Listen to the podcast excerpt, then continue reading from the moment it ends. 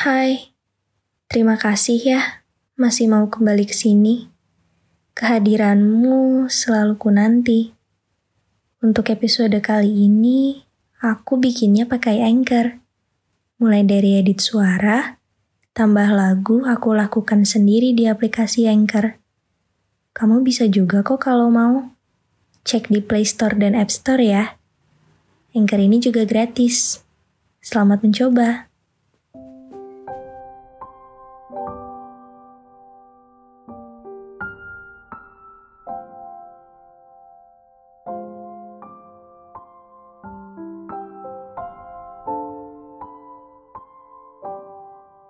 Mungkin bagi orang-orang di sekitarmu,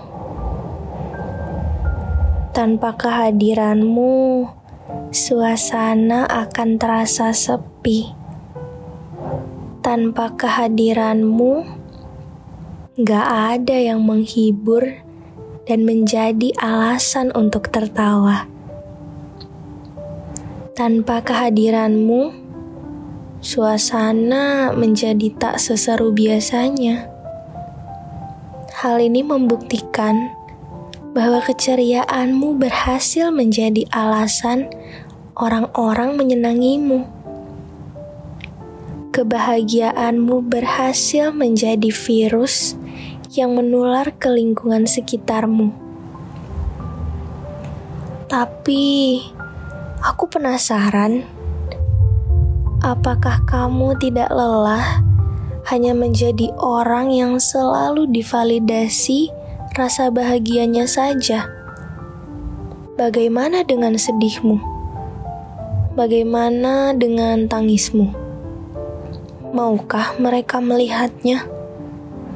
Maukah mereka melihat satu hari saja tak terukir senyum dalam dirimu?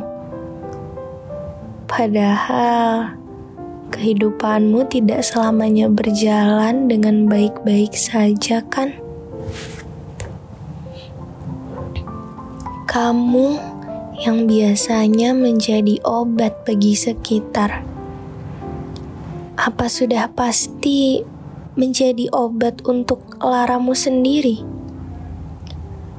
Ketika mereka hampir tak pernah sedikit pun melihat air matamu jatuh hingga mereka lupa bahwa emosimu tak hanya bahagia saja. Siapa peduli dengan sedihmu? Mereka hanya ingin kamu menjadi sosok yang mereka percayai adalah kamu. Kala kamu berusaha menjadi terbuka untuk menyatakan bahwa kamu tidak sedang bahagia, mereka malah akan mengatakan bahwa ini bukan dirimu yang sebenarnya. Menurut mereka, dirimu adalah kamu yang ceria, gembira, pelipur lara, bukan sosok yang lemah, mudah menangis, selalu gundah, penuh duka dan luka. Maaf, tapi bisakah aku minta waktumu sebentar? Aku mau mengabarkan bahwa podcast yang kamu dengar ini, aku buat di Anchor loh.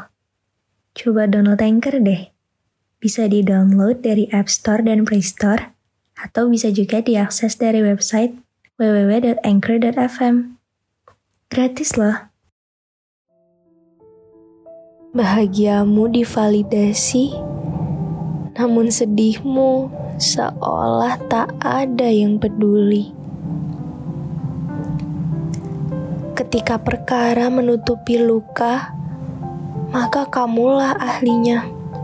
Karena kamu tahu kalau emosi selain bahagia itu menguasai dirimu, maka mereka yang di sekitarmu akan memandangmu aneh, memandangmu seperti orang yang tak lagi mereka kenal.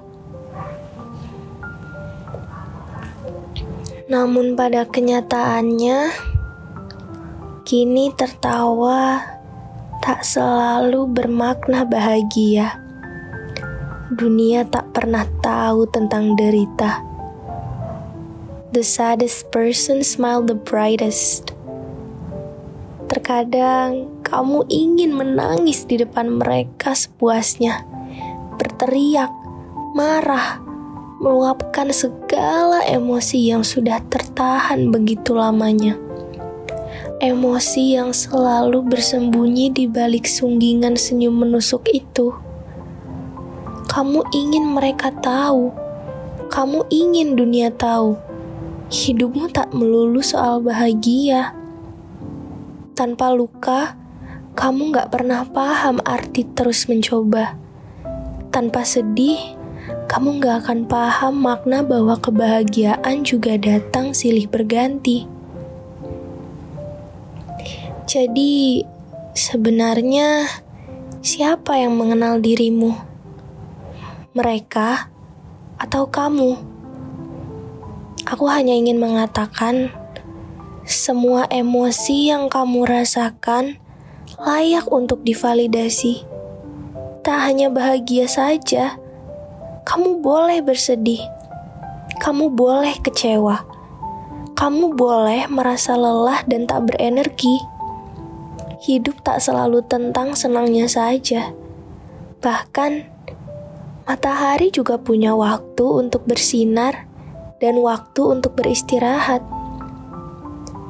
Mereka mungkin merasa aneh karena kamu tidak pernah menunjukkan kesedihanmu, tapi ingat Sedih bukan berarti lemah, menangis bukan berarti kalah. Bumi akan merangkul penghuninya kala bersedih karena memang yang dibutuhkan hanyalah hal sesederhana itu. Tak ada larangannya, tak ada undang-undangnya.